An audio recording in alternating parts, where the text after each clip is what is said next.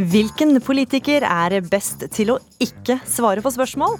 Statsråd Jan Tore Sanner og partileder Trygve Slagsvold Vedum møtes til duell.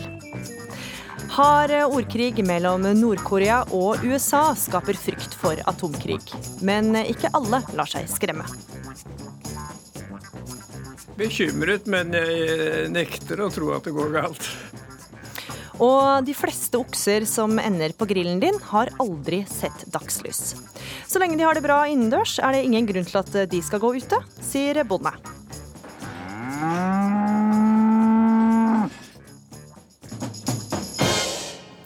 Hei og velkommen til ukeslutt. Jeg heter Gry Veiby og skal følge deg den neste timen. Kjenner du igjen denne? Bangshot, motherfucker. Er du på skrekk, eller? Hør mer om låta som eh, skapte furore denne uka, seinere i sendinga. Du har eh, sikkert hørt det noen ganger i valgkampen. Politikere som får et spørsmål, men som svarer på noe helt annet. Eller programledere som vil ha enkle ja-nei-svar på kompliserte spørsmål.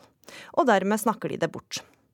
Her i Ukeslutt skal vi nå prøve å vise deg noen av triksene politikerne bruker for å snakke ting bort. Og til å gjøre det så har vi fått hjelp av to garva politikere. Trygve Slagsvold Vedum, partileder fra Senterpartiet. Før vi starter, hvor god vil du si at du selv er til å ikke svare på spørsmålene du får? Jeg tror jeg er veldig dårlig på det, egentlig. Altså, det her kan jo bli en øvelse. Så stort sett tror jeg jeg svarer, da. Nå er, på, nå er, jeg i min egen hage med masse folk og uh, applaus i bakgrunnen. Vi har sånn Senterpartifestival, så hvis det blir litt bråk, så vet dere hvorfor. Da vet vi hvorfor. Skal, ja. uh, på den andre linja så har vi Jan Tore Sanner, du er kommunal- og moderniseringsminister for uh, Høyre. Og du skal altså da i duell med Vedum. Er dette en duell du tror du kommer til å vinne? Ja, det, det, legger jeg jo til, til, grunn, men det blir litt mer krevende denne gangen, siden vi ikke skal svare på, på spørsmålet. Ja. Eh, jeg prøver alltid å gi et, et, svar, og kanskje legge inn et ekstra, par ekstrapoeng for å score litt mer. For nå skal vi da altså teste hvem av dere som er best til å ikke svare på spørsmål. Og det kan hende at det vanker bonuspoeng til den som sporer fortest av. Og Opplegget er da som følger. Jeg skal lede en debatt om et tema som har vært aktuelt denne uka. og Da har vi valgt da porno som pensum i skolen. Og dere får eh, poeng for hver gang dere ikke svarer på spørsmål, og i stedet trekke fram noe dere vil skryte av i partiprogrammet deres. Og her i studio har vi også en eh, jury som sitter og vurderer dere. Og det er en retoriker og en komiker som dere skal snart få høre fra. Men eh, først skal vi starte konkurransen vår. Eh, da begynner vi med deg, Jan Tore Sanner. Flere eksperter har tatt til orde for at vi må få porno som pensum i skolen, fordi de unge kan for lite om sex. Dere har hatt regjeringsmakt i snart fire år. Hvorfor har dere ikke gjort noe med det? Høyre er opptatt av at elevene skal lære på skolen. og Derfor så har vi satset på etterutdanning for eh, lærere. Mm. Faktisk tredoblet det i løpet av eh, disse fire, fire årene. Eh, og I neste periode skal vi satse på tidlig innsats. Så det er viktig at vi konsentrerer oss om kunnskap. Og kunnskap er også viktig for at vi skal skape flere trygge arbeidsplasser. Vi eh, satser men, men, både men, på kunnskap og på samferdsel, og også fått til noen vekstfremmende skattelettelser. Men, men Sander, her snakker vi altså om porno som pensum på skolen. Hvorfor skal ikke elevene få det, eller hvorfor har de ikke ordna at elevene lærer om porno på skolen? Noe er et ansvar for foreldre og for, for familie, og noe er et ansvar for, for, skole. Og vi må gjøre det viktigste først i, i, skolen. Eh, og det er å satse på etterutdanning for lærere, og ikke minst tidlig innsats, som er den store reformen vi skal gjennomføre i, i neste, neste, periode. Og vi må se sammenhengene her. fordi at når vi satser på skolen, når vi satser på samferdsel, når vi satser på en god næringspolitikk, så får vi flere trygge arbeidsplasser. Og for folk flest så betyr det noe at vi får arbeidsledigheten ned, at vi får veksten opp, og at flere kommer i arbeid. vi fortsetter med deg, eh, Trygve Slagsvold Vedum. Dere satt med regjeringsmakt i åtte år uten at eh, dette kom inn som pensum. Sov dere i timen? Men Det viktigste for oss i Senterpartiet er at vi satser på nærhet. At vi ønsker å ha tjenester nær folk. For det er jo klart det er enormt viktig at du har skoler, de grunnleggende tjenestene i nærmiljøet til ungen. Og så vi mener også at det er veldig viktig at det, på skolen at du har gode lærere, godt kvalifiserte lærere. Og så har vi vært uenige i den satsinga som regjeringa har gjort, der de har diskvalifisert mange dyktige lærere med masse erfaring. Så vi har hatt en litt annen inngang. For oss er nærhet viktig, at vi skal bygge nærmiljø rundt omkring i hele Norge. Men da sier du da altså at dere vil ha porno som pensum i skolene? Altså Det som er viktig i en skolehverdag, er at elevene er opplagte. Og vi syns det var veldig uklokt at man fjerna frukt- og grøntordninga. For når man skal lære ting, så må man jo ha næring, man må ha energi, man må få med, seg, få med seg det som blir undervist. Så her er det ikke noe poeng å bare tilføre flere og flere fagelementer. Man må jo ha en oppegående skole i nærmiljøet, der man også får et godt frukt- og grøntmåltid hver dag. Sanner, eh, hvorfor er det et problem at mange unge at det de vet om sex, har de lært av porno? Det som er viktig for, for alle eh, i det norske samfunn, er at vi har gode tjenester nær der folk bor. Det er faktisk enig med Trygve Slagsvold eh, Vedum. Eh, og det handler om eh, barnehage, og der må foreldrene også kunne velge mellom private og kommunale eh, barnehager. Eh, Og så må vi satse enda mer på skolen. og Det ser vi nå i løpet av de fire årene vi har sittet med regjeringsmakt. Så går elevene mer på skolen. Med fraværsgrensen så går frafallet ned, nærværet på skolen går opp, og da går også kunnskapsnivået opp. Og kunnskap det er viktig for både barn og unge og for utviklingen av det norske samfunn. Vedum, hva, hva lærte du om eh, sex på skolen? Altså, vi i Senterpartiet er veldig opptatt av å ha mer praktiske fag inn i skolen. øh, Og ha en satsing på det praktiske, jordnære undervisninga. Og Derfor kan det være noen utfordringer med det temaet som du tar opp. Men det er veldig viktig at ikke minst overfor gutter at vi har en mer yrkesretta utdanning. At vi tar bort den teoretiseringa vi ser av yrkesfagene. Det er et kjempeproblem at det er så mye frafall. Så vi mener at det må være mer praktisk skole, mer jordnær skole, som satser på å ha øh, gode tilbud i nærmiljøet til øh, dagens ungdom. Sanner, du skal få siste spørsmål du også. Hva lærte du om sex på skolen? Nærhet og praktisk eh, trening er, er viktig eh, for utviklingen av hele, hele mennesket. Eh, men vi må gjøre de viktigste tingene først, eh, og det er at elevene må lære seg eh, å snakke godt norsk, eh, de må lære matematikk og de må lære, lære fremmedspråk. Og så skal vi sikre at det både blir nærhet og praktisk eh, trening eh, i, eh, i, i samfunnet.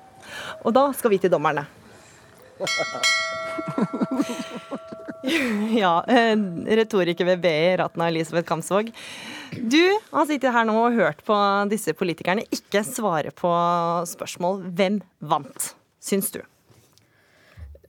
Nei, altså det her eh, er det nesten vanskelig å kåre en vinner, fordi det var jo eh, ingen av dem som eh, svarte på spørsmålet. Men eh, så syns jeg jo egentlig det er ganske interessant at de valgte eh, veldig ulike strategier for å unngå eh, ditt eh, spørsmål og dine oppfølgingsspørsmål underveis. Der vi ser at eh, Jan Tore Sanner kanskje var mer sånn typisk eh, strategisk eh, på det, og i første spørsmål han fikk, så hørtes det i starten ut som han skulle begynne å svare på spørsmålet. Holdt seg til skole? Eh, Ja. Holdt seg til skole litt, ikke sant? Ehm, og, går, og det gjør jo også da at han får ha ordet litt eh, lenger.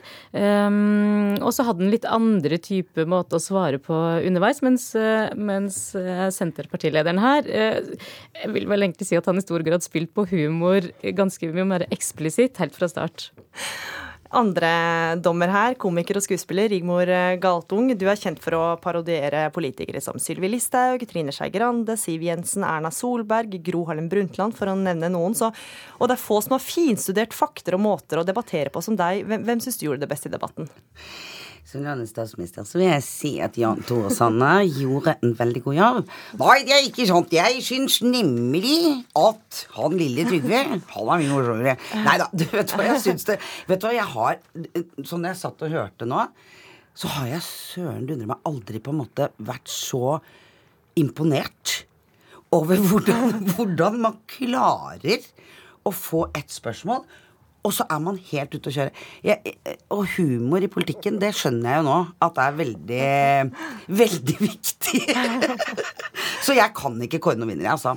Jeg, jeg syns Trygve, som eh, er eh, kanskje den som var morsomst eh, Jan Tore Sanner svarte på en måte litt mer sånn politiker, kan man si det? Litt mer eh, alvorlig, litt mer eh, Ja. Så jeg, jeg, jeg syns det er vanskelig. Har vi to vinnere, liksom?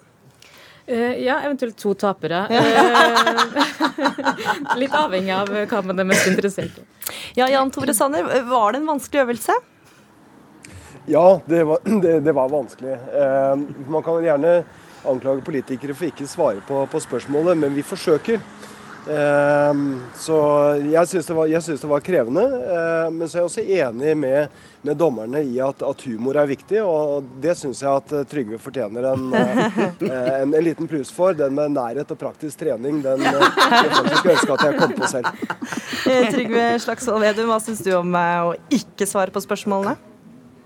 Nei, altså det, det, som er veldig ubehagelig når det er en debatt, er jo at du har lyst til å få fra noen av de verdiene du står for. Så det er vel derfor noen ganger politikere opplever sånn. da. Men det, det, det her ble litt sånn karikert. da. Mm. Og jeg, synes, jeg var egentlig litt imponert over Jan Tore jeg, på hvor mange poeng han klarte å få inn. Så Vi hadde valgt litt ulike innganger, så jeg syns jo Sander var flink da, til å få fram noe av de, de tinga de er stolte av som regjeringa har gjort. da. Men i, i bunn og grunn så tror jeg norske politikere egentlig er ganske ordentlig og skikkelig, at vi prøver så godt vi kan å, å svare etter beste evne. Så noen ganger så er det selvfølgelig litt vanskelig, for du kan få spørsmål om alle mulige ting. og og du er redd for å være for konkret hvis du ikke kan saken godt nok også. For du kan eh, love ting som du ikke har satt deg godt nok inn i. Så det er noen ganger der òg, for at du er redd for å såre folk, du er redd for å ta feil beslutninger. Og da må du noen ganger tenke deg litt mer om før du kan gi et ordentlig svar på alle spørsmål. Mm. Ja, Kamsvåg eh... Jeg vil, jeg, jeg, I dag, i den der vennskapelige ånden, så vil jeg da eh, kåre Jan Tore Sanner til å få fram flest partipolitiske poeng. Ja. Så det, Der var han best, det vil jeg si. Hva sier du til det, Sanner? Vi, vi, fikk jo i oppgave at vi skulle prøve å, å få inn mest mulig i løpet, av, i løpet, av, det svaret. Men var det litt Så, ubehagelig, eller? Helt ærlig, ja. ja. Eh, jeg, jeg, misliker å ikke, ikke, svare på spørsmål. Mm. Eh, og så er det riktig at vi som politikere prøver å alltid få inn noen andre ekstrapoeng. Men både Trygve Slagsvold Vedum, jeg og, og andre, vi, vi forsøker etter beste evne å svare på spørsmål.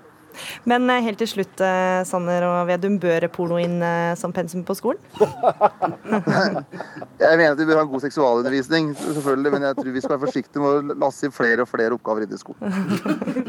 Veldig godt svar. Jeg er enig i at, at porno uh, hører ikke, ikke inn i skolen, men uh, god praktisk eh, trening og, og nærhet. Det, der syns jeg faktisk at Trygve hadde et veldig godt poeng.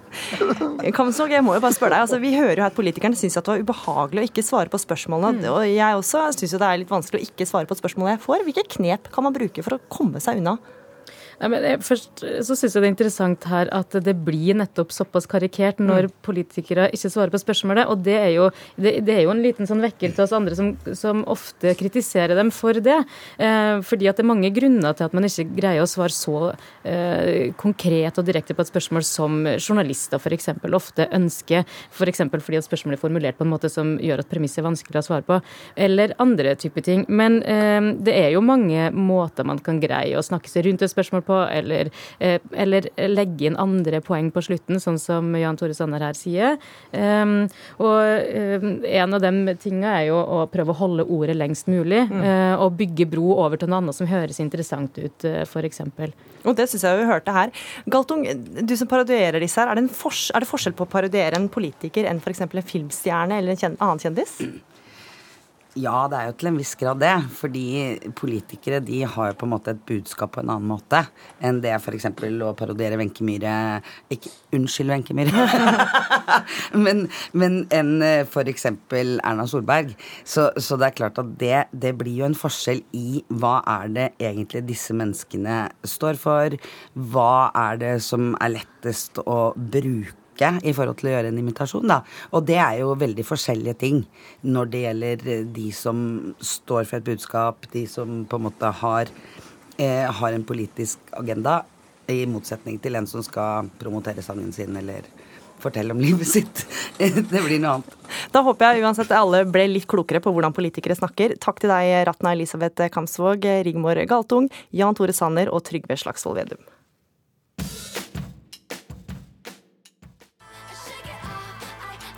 Der hørte du Taylor Swift med 'Shake It Off', artisten som vant ukas mest omtalte rettssak, eh, der alt starta etter at hun hadde blitt sextrakassert av en radio-DJ.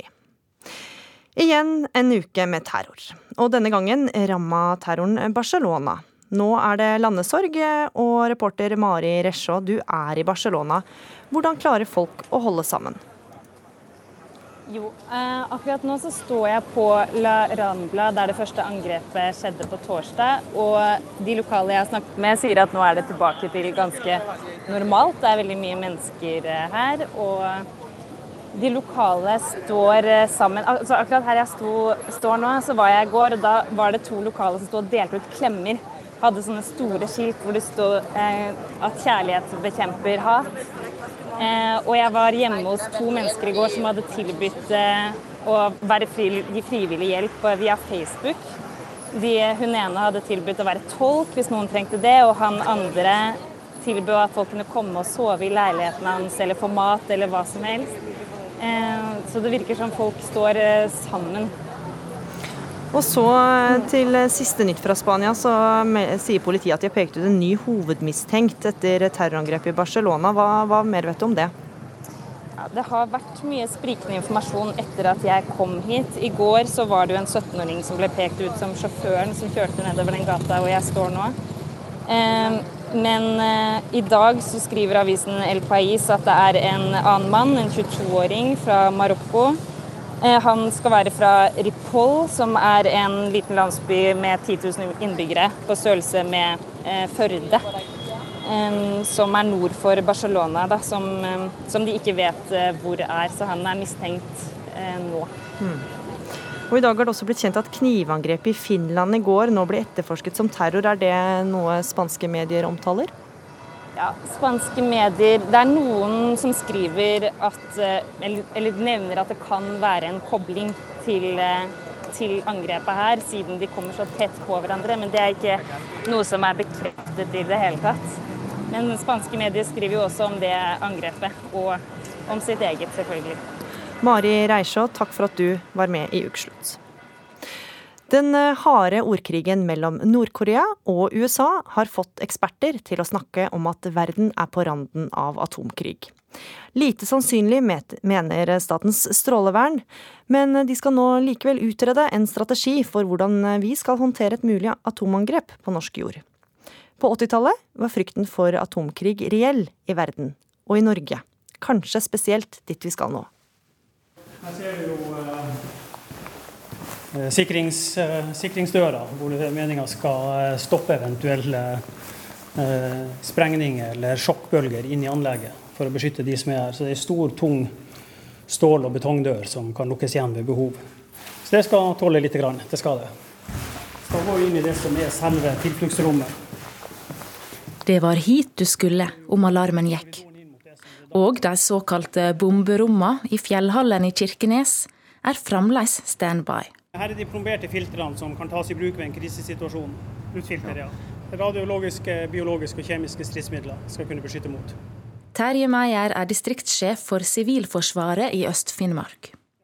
Hallen vi er i, ble bygd midt på 80-tallet, da atomtrusselen var høgst reell og spenninga mellom atommaktene USA og Sovjetunionen var svært høy. Det var mange som eh, følte en stor utrygghet. Fordi vi som grenseområde nødvendigvis blir påvirka av den si, sikkerhetspolitiske situasjonen i verden mellom supermaktene, uten at vi nødvendigvis var en viktig brikke i det. Så vi ville bli involvert. Og det skapte nok en del usikkerhet. Noen var sikkert redd for at det skulle bli krig, og mange tenkte sikkert at uh, det går nok over. Og heldigvis gikk det over. Men vi ser jo kanskje at uh, den sikkerhetspolitiske situasjonen er i ferd med å endre seg litt igjen. Det er det. They will be met with fire and fury like the world has never seen. Langt unna, i USA og Nord-Korea. To atommakter.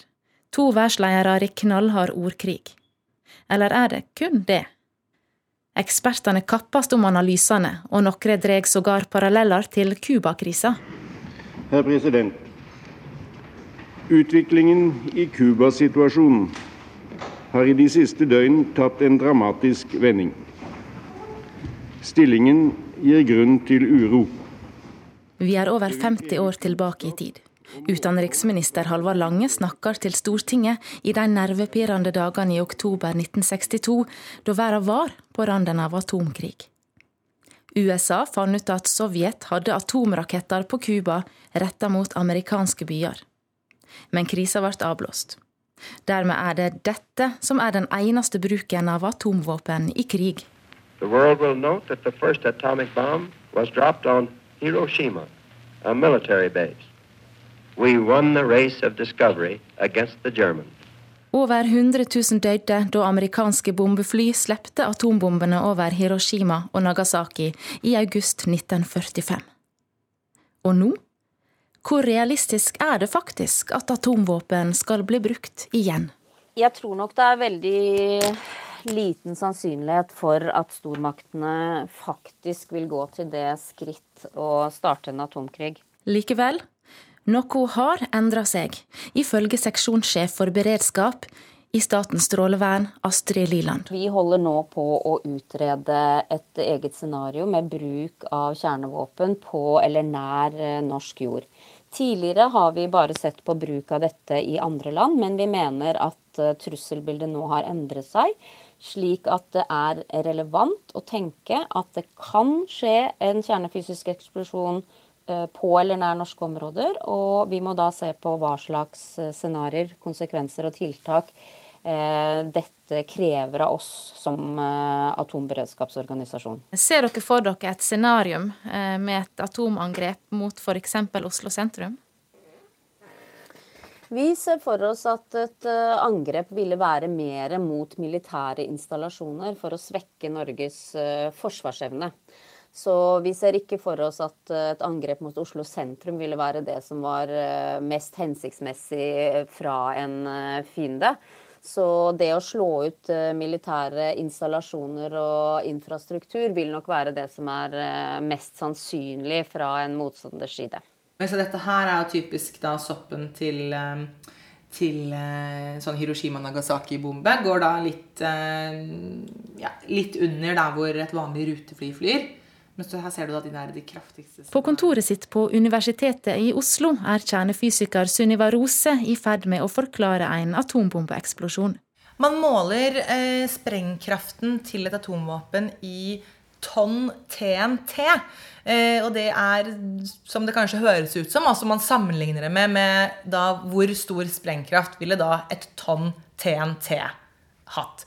Eh, og sånn som da eh, de som ble sluppet over Hiroshima og Nagasaki, de hadde da en sprengkraft på eh, mellom 15 og 20 000 tonn TNT.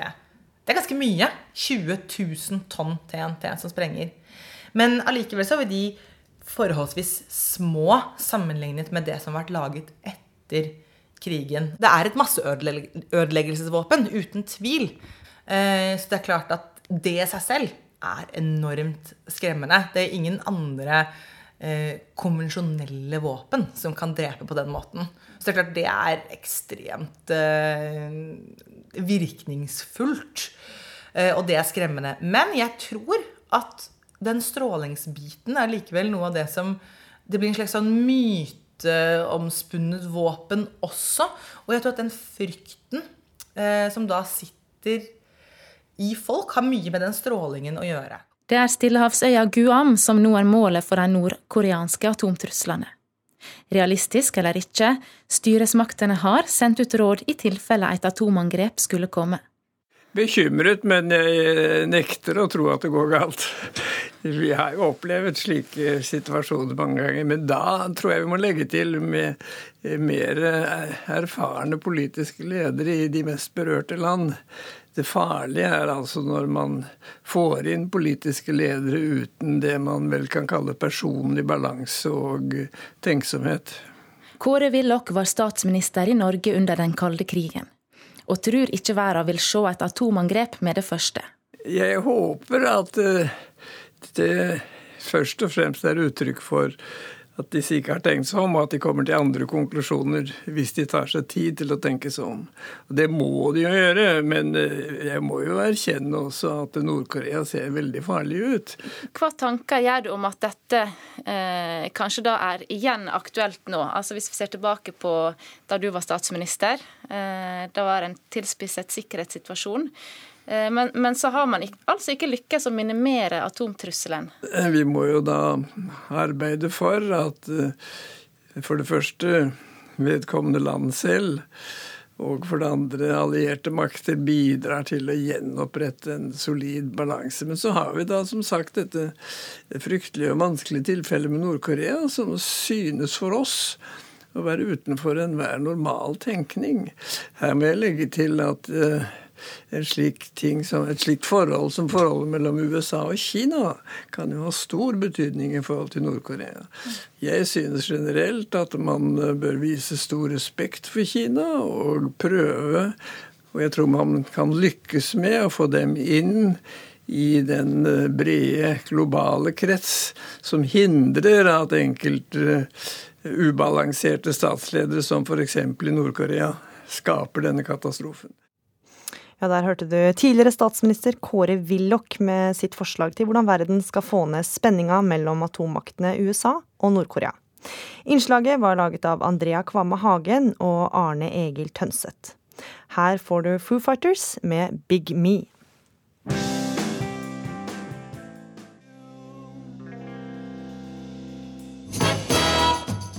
Du hører på Ukeslutt i NRK P1 og P2, og fortsett med det. 24 debatter på fire dager. Stortingspolitiker Heidi Nordby Lunde har løpt debattmaraton under Arendalsuka. Det er nok det eneste maratonet jeg noensinne kommer til å delta i og vinne. Og røyk joint med meg, rapper King Skurk One i årets store sommerhit. Og fikk dermed ikke fortsette jobben. Skjønner at det er upassende, sier artisten til oss. Sommerleir for voksne, leirskole for skravleklassen eller lobbyistenes lekegrind. Den politiske festivalen Arendalsuka, som gikk av stabelen denne uka, kalles mange ting, men for noen er den først og fremst et debattmaraton. Ukesluttsreporter Sigurd Øygarden Fleten hang seg på den stortingspolitikeren som trolig tok rekord i antall debatter denne uka. Nå er vi på en debatt om norsk bergverksindustri og mineralnæringa som jeg var helt sikker på at jeg har meldt meg inn til. Og jeg har løpt nedover for å rekke den. Noe er riv ruskende galt. Heidi Nordby Lunde, stortingsrepresentant for Høyre, har sprunget for å rekke en debatt hun skal delta på. Men hun står ikke på programmet. Og så sier du egentlig du at jeg ikke er registrert. Så nå er jeg litt nysgjerrig på om jeg skal i debatt eller ikke.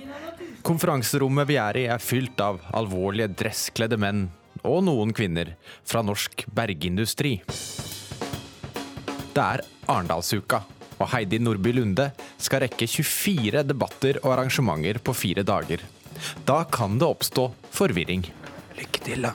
Ja, jeg vet ikke hvordan, om jeg kommer meg på scenen engang. Men norsk bergindustri viser seg å være en fleksibel gjeng. De kaster Heidi Nordby Lunde inn i debattpanelet i siste liten. Det kan Norge klare, og vi skal klare det bedre enn de andre. Og få konkurransefortrinn ut av det. Gikk det bra, syns du? Ja, det syns jeg. Og så er jeg veldig glad for at jeg fikk plass i panelet. Og så kan jeg krysse av én ting på lista og løpe videre. Nå har hun ingen tid å miste. For å rekke gjennom dagens program må hun tenke ekstremt planmessig og effektivt. Frokosten inntar hun på Mækkern. Eh, fordi det er enkelt, og eh, du kan spise det mens du går. Eh, du, jeg skal ha en cheeseburger.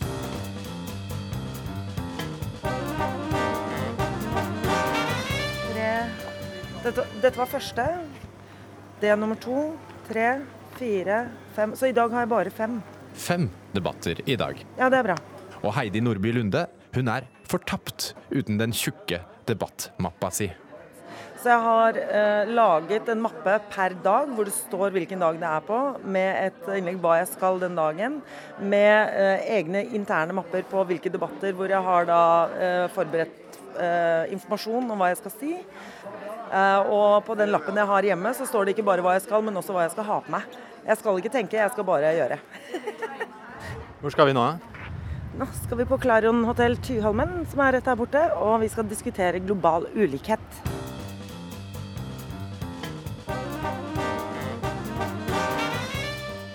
I denne debatten er publikum vanskeligere. Rommet er stappa fullt av bistandsfolk som er sterkt misfornøyd med høyreregjeringens bistandspolitikk.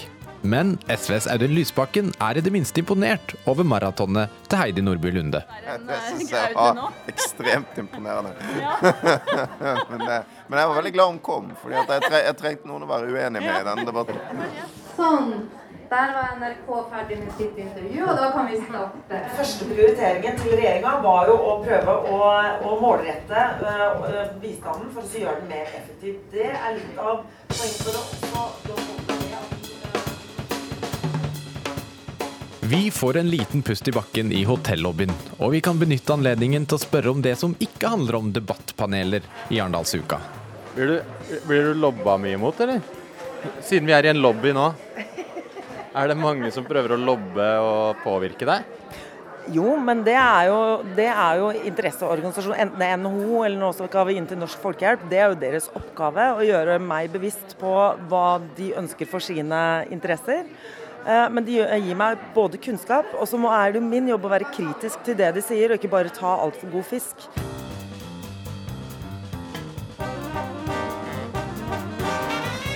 Heidi Nordby Lunde gjør seg klar til finaleheatet. Den desidert mest krevende debatten i dag, med Dag Terje Andersen fra Arbeiderpartiet. På et område som ikke er hjemmebane for henne. Dette er vel kanskje en av de debattene jeg har gruet meg mest til. Fordi vi skal snakke om arbeidsmiljølov og, og sosial dumping, som jeg til vanligvis ikke jobber med. Og jeg har en tøff eh, politisk motstander. Eh, Dag Terje Andersen er jo en slugger i, i Arbeiderpartiet. Han har lang erfaring, så han er en av de som jeg gruer meg til å møte. Eh, og, eh, og, jeg sier det fordi du sjøl innrømmer at du er liberalist. Det syns jeg er bra at du innrømmer. Det hadde jeg aldri tort å innrømme, men du innrømmer, og det er bra. I Europa som førte til et mer useriøst arbeidsliv her, uh, her, hjemme. Og dette her var jo innenfor bygg og, bygg og anlegg, og det var jo også innenfor vei og samferdsel. Det har, har vi jo allerede hatt. Du har ikke det vennligste publikummet. Det var nesten tilløp til buing på et uh, svært der. Det er ikke så viktig for meg at salen er uenig i det jeg sier. Så jeg må jo stå for den politikken vi har og fremme det. Så får de bue eller klappe som de, som de vil. Det er helt i orden.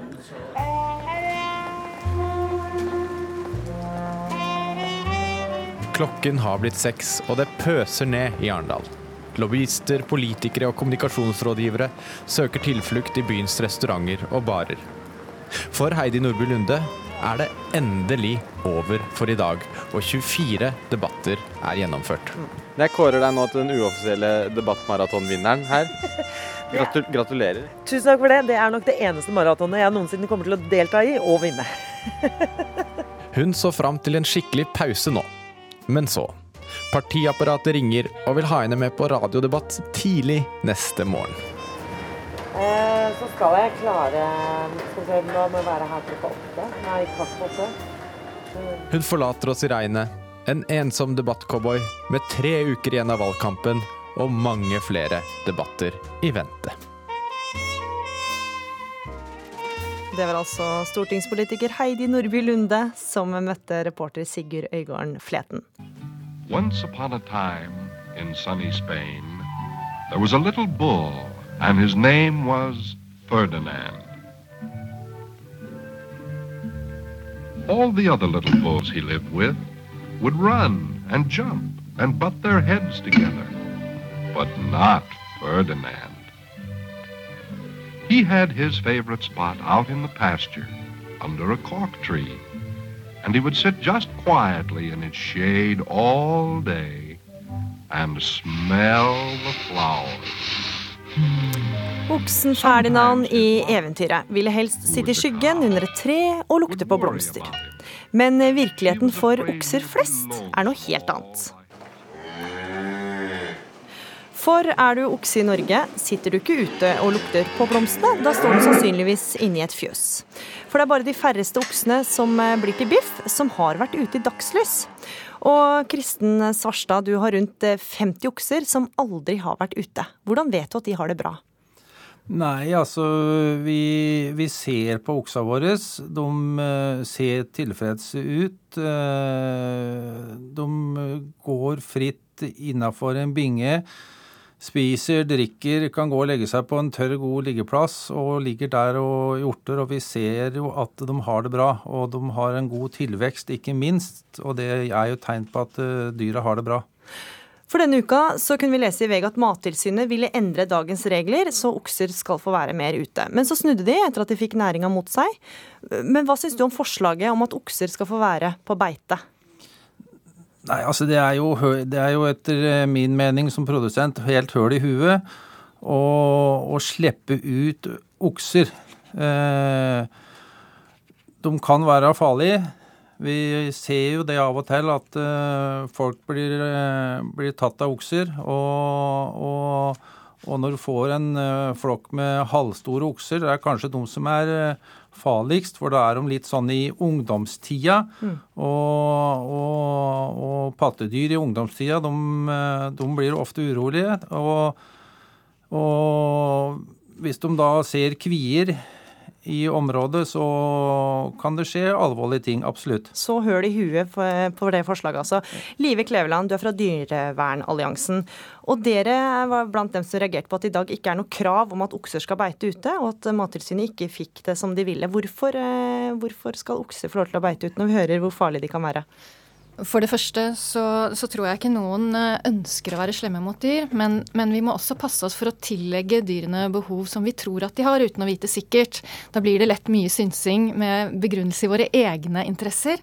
Når vi vet hva oksene er skapt for, så skjønner vi at de trenger noe mer enn det å stå inni en mørk og skitten binge. De er skapt for å beite åtte åtte til ni timer i løpet av dagen. Og det er et behov som de har uavhengig av om de får tildelt fôr. De er skapt for å gå og lete etter denne maten. De er selektive på valg av planter, urter, lau, gress. Eh, og så er de skapt for å ligge ned og hvile i ti til tolv timer. Og det livet som de tilbys av norske myndigheter gjennom regelverket som norske bønder da forholder seg til, som minimumsregelverk, eh, det gir dem eh, da et liv innendørs hele livet, og faktisk dårligere forhold innendørs også enn kyr. Fordi at de har mindre plass, og de har ikke krav om tørr liggeplass. Det er flott at noen bønder gir dem det, men det er ikke noe krav. Eh, de går på noe som kalles fullspaltegulv, som betyr at gjødsla faller rett ned i gjødselkjelleren gjennom spalter, og da må det være mange dyr sammen for å klare å tråkke ned denne gjødsla. Bjørn Gimming, eh, vi skal slippe til deg. Du er fra Bondelaget. Og dere var noen av dem som fikk Mattilsynet til å snu, så okser ikke skal få lov til å være ute. Hvorfor satte dere dere på bakbeina? Det knytter seg til to forhold. Eh, det ene er eh, at okser over et halvt år de blir kjønnsmodne. Eh, dette her, og det, her har vi en lovgivning på som sier at okser over seks måneder ikke skal ut. Ja, For dere anbefaler at okser over seks måneder ikke bør gå ut, for da blir de farlige? Ikke bare farlige, men vi risikerer også muligheten for utilsikta bedekking av, av kvier og kyr som går på, på beiter i nærheten. Så, så, det er ett forhold, og det er absolutt uh, ikke bra i et dyrevelferdsmessig perspektiv at unge kvier blir bedekka for tidlig. Men det andre er HMS-biten av det. Uh, det er åpenbart som Bondens, bondens, sikkerhet. Bondens sikkerhet, og i og for seg folk flest sin sikkerhet. Dersom større mengder eller flokker av okser skulle komme på, på frifot og avveie. Men vi ser jo, som, som Svarstad var inne på her, at fra tid til annen så får vi får vi uheldige situasjoner, for dette her er store, tunge dyr ja. som medfører en viss risiko. Ja. Så for bondens eh, sikkerhet så mener jeg det at det er uforsvarlig å kreve at eh, såpass store dyr skal ut på beite. Og Kleveland, En ting er jo oksens eh, velferd, men hva med kuene, da, som eh, kan bli bedekka eh, av oksene? Det er ingen tvil om at det er eh, utfordringer knyttet til å ha okser utendørs. Og Dyrevernalliansen har ikke sagt at eh, vi bare skal kjøre på og slippe ut alle norske okser uten videre. Men det vi har sagt, er at dette er et problem. Ja, hvordan vil det? Som vi må ta på alvor, og mm. vi må drøfte det. Mm. Uh, og det her er det mange forskjellige løsninger. Det er forskjell på å barbere seg og skjære av seg haka, som det sies. Uh, og Bioforsk de har undersøkt dette. Uh, og de har undersøkt løsninger med luftegårder, hvor man da kan slippe oksene ut, men forsvarlig gjerdet inn. Eh, og La oss begynne med den først. Bondelaget luftegårder, er det en idé? Gitt det jeg sa i stad, at vi har både HMS-utfordringer og utilsikta bedekking, så ønsker vi å se på at man kan gjøre tiltak innafor de forutsetningene. Eh, og For oss er det viktigste da å gjøre tiltak i fjøset. Innafor de rammene som, som, eksisterer på gårdsbruk i dag. Mm. Og så vet vi det at det er, eh, et, det er stadig en nyinvestering i landbruket. Vi får stadig nye fjøs.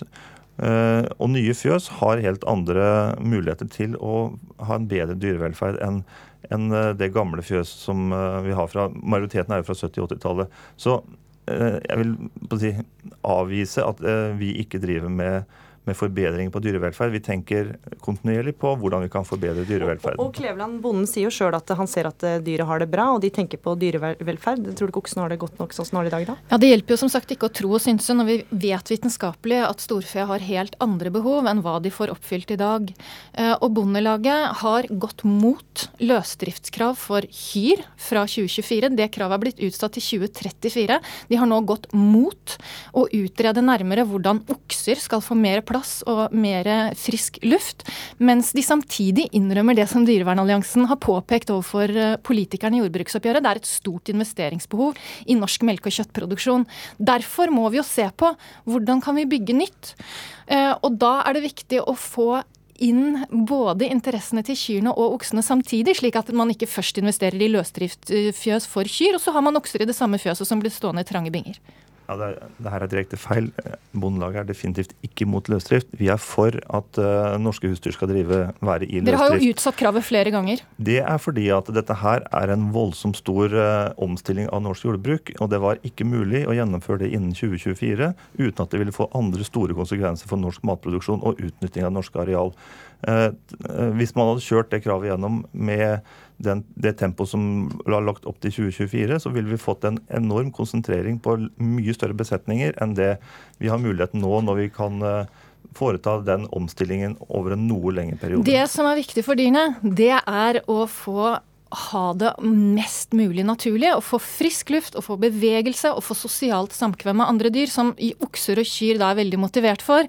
Det får de ikke i dagens produksjonssystemer, og et lite båsfjøs eller en liten binge, som dessverre fins rundt om på mange norske gårder i dag, er ikke det norske dyr og norsk landbruk trenger. Vi trenger investeringer i større fjøs med bedre velferd for alle dyrene. Og der fikk du siste ordet, Live Kleveland fra Dyrevernalliansen. Takk til deg. Takk til deg, Bjørn Gimming fra Bondelaget, og takk også til deg, Kristen Svarstad, oksebonde.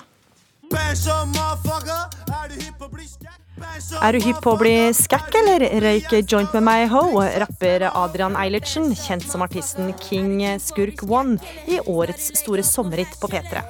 Denne uka fortalte Eilertsen til Dagbladet at han har fått beskjed om at han er uønska i jobben i barnevernet pga. låta Bangshot, der han altså synger om narkotikabruk.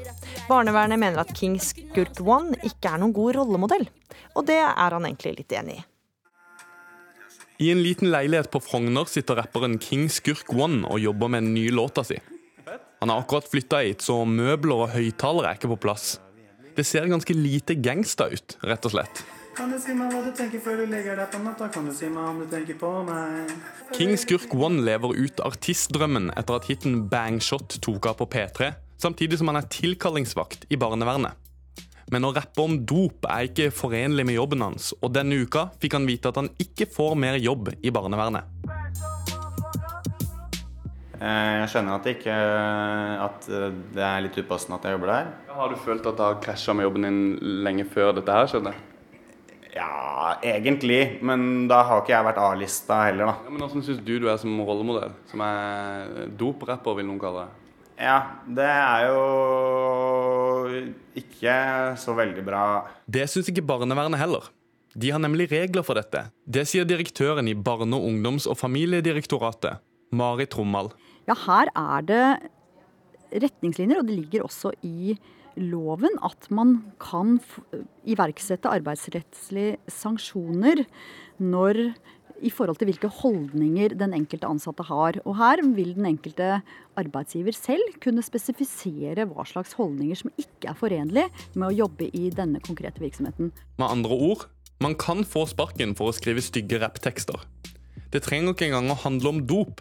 Det holder at man oppfordrer til å bryte reglene i samfunnet, sier Tromal. når man jobber med barn og unge som nettopp kan ha problemer med rus, med på en måte autoriteter i samfunnet, så vil den ansattes holdninger kunne være problematisk hvis man nettopp oppfordrer til å bryte med det som er lover og regler i samfunnet. Ja, det er ganske lol. King Skurk One sier han skjønner avgjørelsen fra barnevernet, men syns det er kjipt å bli stigmatisert pga. narkotikabruk. Selv om noen har vært mye på fylla da, og møter på jobb hver dag, så betyr ikke det at de ikke kan gjøre en god jobb. Men alle på en måte har vært på fylla, men det er ikke alle som har røyka masse studenter eller tatt en sopptur eller eller sniffa kokain. Selv om det er sikkert mange flere enn de som innrømmer det. ja, kan jeg spørre om, er det, er det noe, Driver du med sånne ting? Eh, litt. Altså, jeg det, Ikke i nærheten så mye som man får inntrykk av eh, av å høre på den låta som jeg har laget. King Skurk One kan i hvert fall love én ting. Neste låt skal ikke handle om dop. Det, altså, det her er jo ikke rap det her handler bare om kjærlighet og å være forelska, liksom. Men eh, nå, nå, er du ferdig med dop og alt mulig, og nå er det bare kjærlighet og Nei, det er jeg jo ikke. Og reporter her var Daniel Eriksen og Sigurd Øygarden Fleten. Ukeslutt er slutt. Ansvarlig for sendingen var Ann-Kristin Liestøl. Det tekniske ansvaret hadde Finn Lie, og her i studio var Gry Veiby.